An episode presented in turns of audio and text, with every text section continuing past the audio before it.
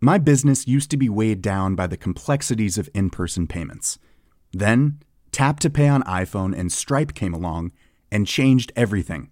With Tap to Pay on iPhone and Stripe, I streamlined my payment process effortlessly. Now I can accept in person, contactless payments right from my iPhone. No extra hardware required. What's truly remarkable is how I can cater to all of my customers' payment preferences. Whether they're using cards, Apple Pay, or other digital wallets, Tap to Pay on iPhone and Stripe ensure a smooth checkout experience every time. And it's not just me. Stripe helps businesses of all sizes, from local markets to global retailers, scale quickly and stay agile. To learn how Tap to Pay on iPhone and Stripe can help grow your revenue and reach, visit stripe.com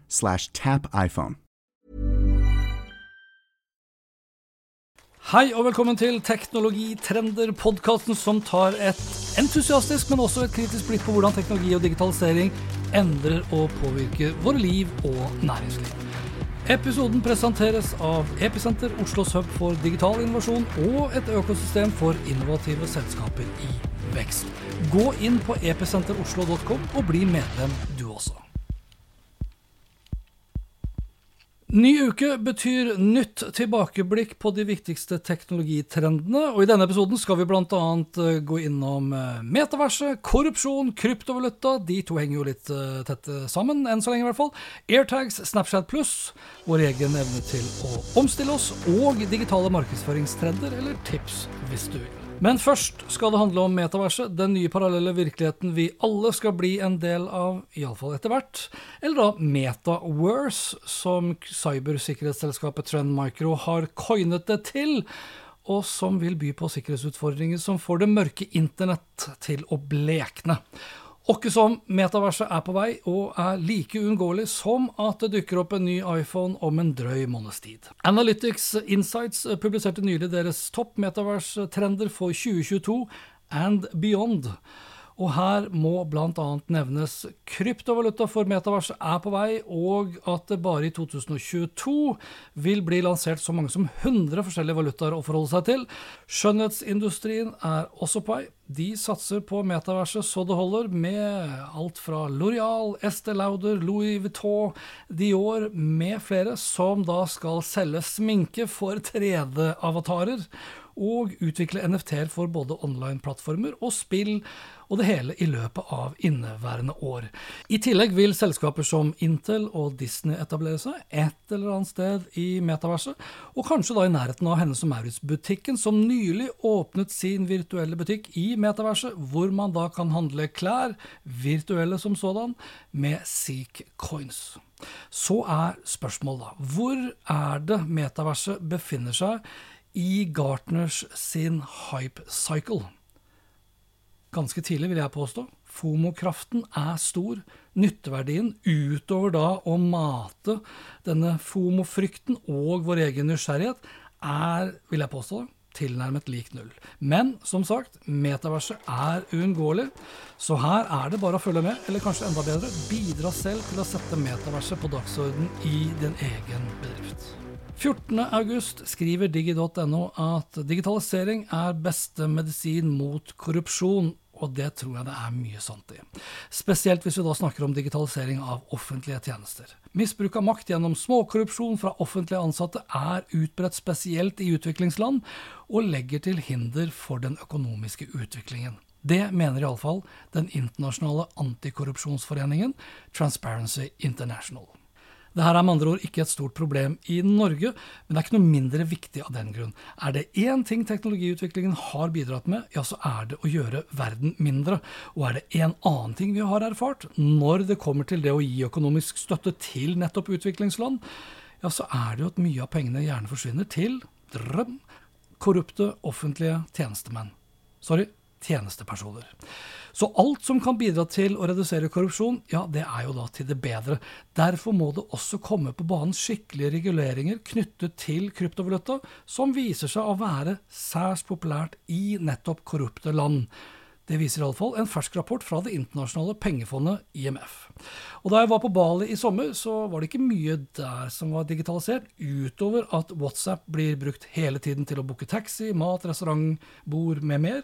Det samme med Gojek. Alt annet foregår i stor grad manuelt og med cash-kontanter. Så skal det også nevnes at Bali og resten av Indonesia er blant de mest korrupte landene i verden, på lik linje med Brasil, Argentina og Tyrkia, for å nevne noen. Mer digitalisering, mer transparens, mer åpenhet og sterkere reguleringer er helt åpenbart den riktige medisinen. Og her vil jeg tørre å påstå at det er føre-var-medisinering som vil fungere best. Har kryptovaluta noe for seg, utover at det ikke er spesielt bærekraftig og per dags dato kun fungerer som et spekulativt investeringsobjekt og til å skjule verdier fra myndigheter? På sikt er jeg overbevist om at kryptovaluta er den nye valutaen, men ikke før tilstrekkelige reguleringer, som nevnt, er på plass. I mellomtiden ser det ut til at stadig flere nordmenn derimot investerer i nettopp kryptovaluta. Det kommer fram i en pressemelding fra Skatteetaten som viser til at mens 15 000 nordmenn rapporterte i 2020 at de eide kryptovaluta, ja, så har antallet økt til over 40 000 i 2021. Altså da før kryptovinteren i 2022, som da slo til med full nordavind. Inntektsmessig økte det i samme periode fra 1 milliard til nesten 9 milliarder, og fradragene økte fra 307 millioner til nesten 3,5 milliarder. Skatteetaten skriver videre i pressemeldingen, og jeg siterer Skatteetaten har skjerpet innsatsen mot skjulte kryptoverdier og bruker ulike virkemidler for å øke etterlevelsen, alt fra veiledning og forenkling for brukerne til flere kontroller av personer og selskaper. Ekspertgruppen som jobber med kryptovaluta er i tillegg også styrket. Skattedirektør Nina Sjanke Funnemark uttaler følgende i samme pressemelding. Husk at kryptoverdier ikke er forhåndsutfylt i selvangivelsen. Du må selv passe på å opplyse om disse verdiene. Og har du glemt å opplyse om kryptoverdier, så kan du selv endre skattemeldingen din inntil tre år tilbake i tid, og da uten å risikere tilleggsskatt. Denne muligheten til å frivillig rette tidligere opplysninger har du ikke dersom skatteetaten har satt i gang kontrolltiltak eller har mottatt opplysninger om dine kryptoverdier fra andre. Sagt på en annen måte hvis noen har sladra på deg. Jeg må tilbake igjen til Bali. Ikke da for å snakke om kryptokorrupsjon, men for å snakke om bagasje og Apple sine airtags. Jeg kjøpte meg fire stykk airtags da de kom ut. En firepakning får du for ca. 1100 kroner. Og kjøper du direkte fra Apple, så kan du i tillegg få dem gravert helt gratis. Kort fortalt er AirTags en liten sporingsenhet på størrelse med en 20-kroning, og da ca. tre ganger så tykk, og utviklet for å hjelpe deg å finne nøklene dine, f.eks. gitt at du da har festet en AirTag til ditt nøkkelknipe. AirTag brukes i kombinasjon med Apples iCloud og Hvor er-appen, og benytter seg av både Bluetooth og NFC-teknologien for å posisjonere nøyaktig hvor AirTagen befinner seg. For mer info om eh, hva AirTag er, og hvordan du setter det opp, så legger jeg ved en lenke på aspetter.info, for der kan du da sjekke ut eh, YouTube-videoen min, Apple AirTag unboxing og setup av AirTag 4-pack med gravering. Anywho, jeg plasserte en airtag i hver av koffertene våre, slik at jeg kunne ha kontroll og oversikt over hvor koffertene befant seg. Om de kom med på flyet, og hvis ikke, hvor i all verden var koffertene da? Det eneste jeg sånn sett da var avhengig av, var at noen som lesset på og av koffertene på flyplassene vi befant oss på, da i henholdsvis Stockholm, Bangkok og på flyplassen på Bali, hadde en iPhone i Bluetooth-avstand til koffertene. Og det her fungerte som bremykt hver gang. Da vi kom inn på flyet, så kunne jeg se at alle fire koffertene hadde kommet med, og da vi landet, fikk jeg samme bekreftelse, og jeg kunne til og med se at tre av koffertene ville kommet på bagasjebåndet før den siste. Og det her er en liten investering, vil jeg påstå, for å slippe potensielt mye stress og uro knyttet til om bagasjen har kommet med eller ikke. Og ikke minst da med tanke på at vi i løpet av sommeren har lest og hørt mye om bagasjekaos på flyplassen. My business used to be weighed down by the complexities of in person payments. Then, Tap to Pay on iPhone and Stripe came along and changed everything. With Tap to Pay on iPhone and Stripe, I streamlined my payment process effortlessly. Now I can accept in person, contactless payments right from my iPhone. No extra hardware required.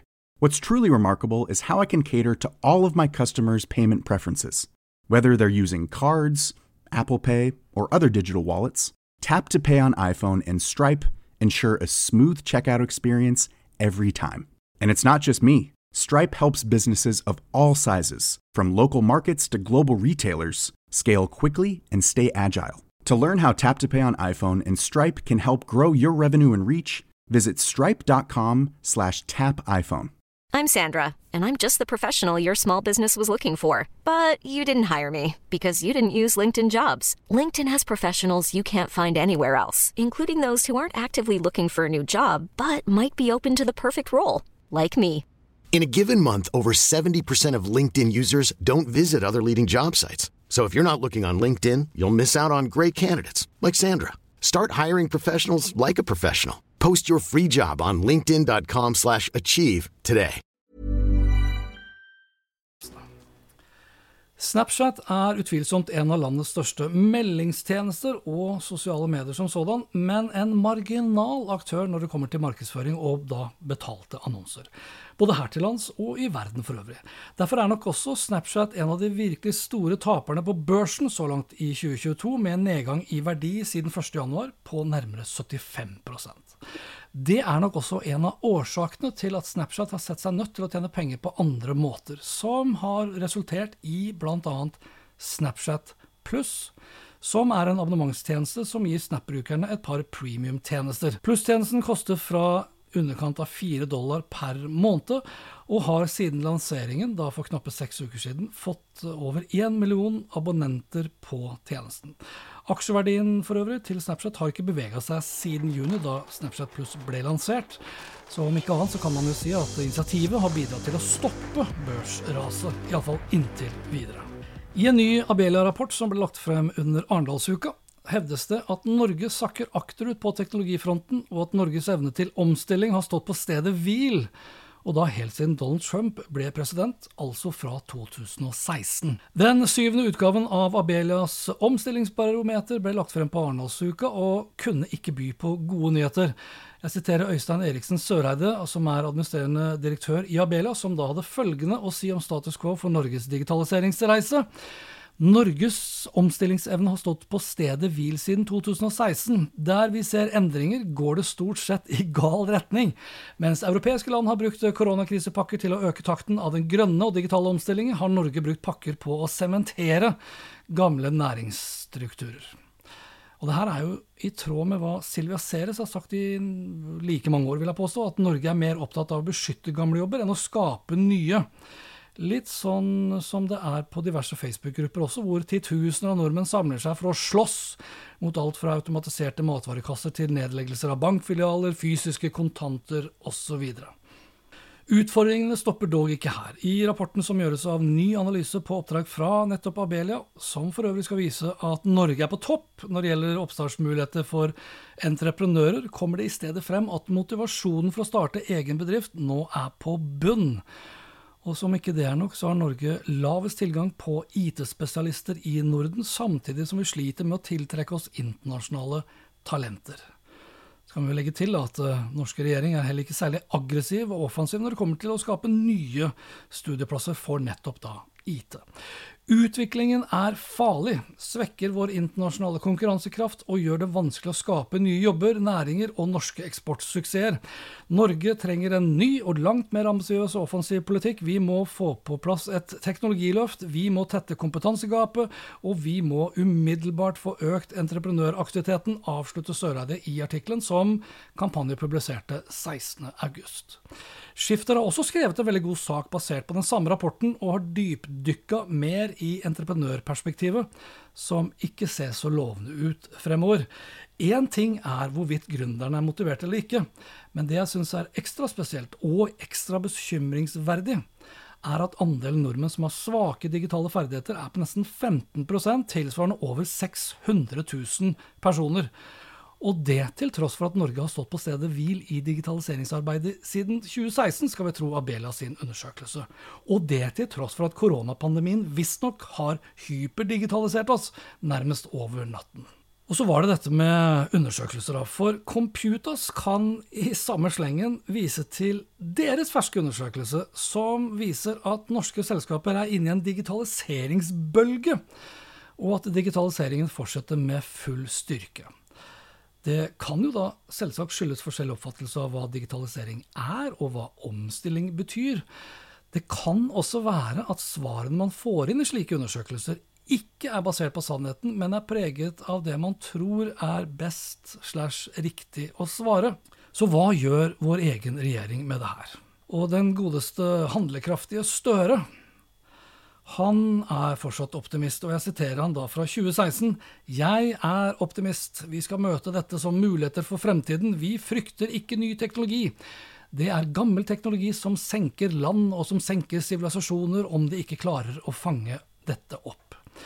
Så for å få da disse 600 000 nordmenn som regnes for å være digitalt utenforstående, så har regjeringen vår, med Støre i front, valgt å bevilge i overkant av en tier til dem hver altså totalt 8 millioner kroner. Under den samme Arendalsuka kommenterte administrerende direktør i Finans Norge, Idar Kreutzer, til Computerwell etter en debatt om samme tema, at han ikke tror det offentlige har tatt inn over seg hvor mye det egentlig koster å utvikle og vedlikeholde applikasjoner med intuitive og inkluderende grensesnitt.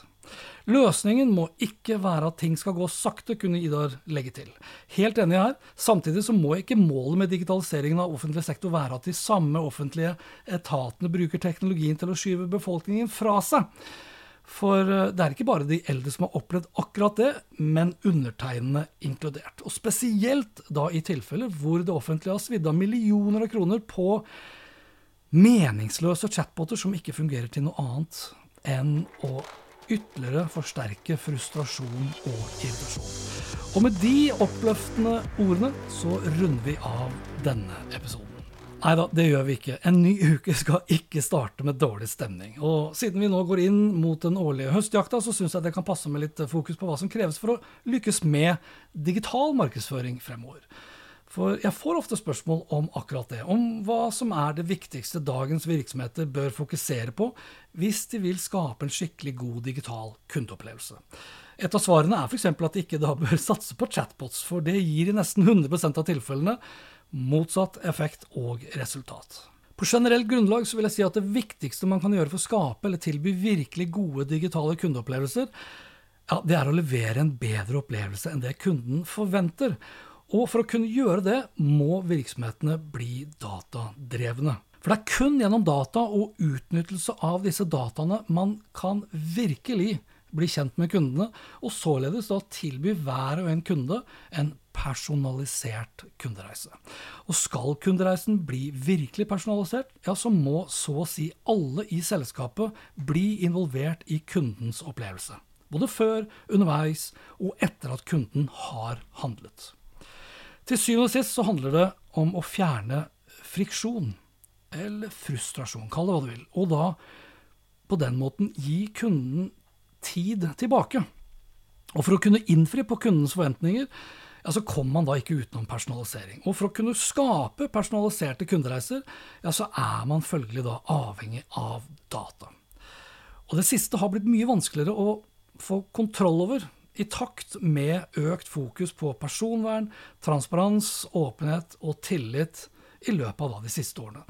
Det har f.eks. ikke hjulpet dagens markedsfører at Apple introduserte App Tracking Transparency, som har ført til at de fleste Apple-brukere i dag har valgt å takke nei til at apper de har installert, kan fotfølge og overvåke dem på tvers av andre apper og nettsteder. Og som ikke det er nok, så er jo også da tredjepartskukken i praksis død. Iallfall for alle som bruker Safari og Firefox, og det tilsvarer om lag 60% av alle oss her i Norge. I tillegg så kommer også Chrome etter, selv om Google nå har utsatt avlivningen av deres tredjepartscookie for tredje gang.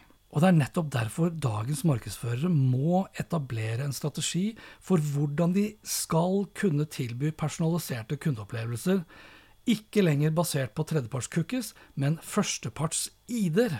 Og den strategien burde de egentlig ha hatt på plass i dag allerede. Når det er sagt, så hjelper det fint lite med personalisering, førsteparts-ID-er og en datadrevet strategi, hvis innholdet ikke funker. Og jeg syns fortsatt det er overraskende mye fokus på kanaler og verktøy, samtidig som min egen erfaring i hvert fall, er at de fleste ikke har godt nok fokus på selve innholdet. For det hjelper fint lite med svære høyttalere hvis forsterkeren suger. Så når det skrives og snakkes om at altfor få bedrifter f.eks. satser på TikTok eller Snapchat for den saks skyld, så vrenger det seg litt inni meg. For på generelt grunnlag igjen så syns jeg de fleste virksomheter i dag først og fremst er gode på å smøre seg tynt utover altfor mange plattformer.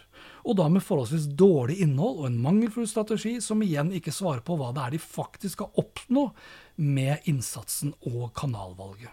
Så før man bestemmer seg for en kanal, så bør man begynne med å finne ut om kanalen kan bidra til å utbedre én eller flere av virksomhetens utfordringer. Det er en dårlig strategi å ta i bruk TikTok fordi alle andre gjør det. Spesielt med tanke på at de aller, aller, aller fleste sliter med alt fra manglende kunnskap, manglende kapasitet, manglende kapital og en dårlig kultur som ikke er tilrettelagt for suksess med digital markedsføring. Da bør helst den lille innsatsen faktisk kunne regnes tilbake til bedriftens hovedutfordringer. I tillegg, mens vi er inne på TikTok, så bør også flere av dagens virksomheter stille seg selv et par etiske og moralske spørsmål om man i det hele tatt bør være på en plattform som beviselig deler data med det kommunistiske regimet i Kina. Som beviselig da driver med statssponsa hackerangrep mot bl.a. Norge, og som i tillegg viser seg å være psykisk skadelig for mange TikTok-brukere. Dessverre så viser det seg ofte, altfor ofte vil jeg si, at cash trumfer det meste, inkludert etikk og moral og sunn fornuft. Spør bare Vest politidistrikt, som i jakten på TikTok-suksess hyra inn tiåringer til en plattform med 13 års aldersgrense som eksperter. Det er ikke mindre enn forkastelig. Og dette var det for denne gang. Inntil neste episode, vær nysgjerrig, still kritiske spørsmål, ikke vær en teknosjåvinist. Lenker til alt jeg har snakket om finner du som alltid på hanspetter.info. Snakkes!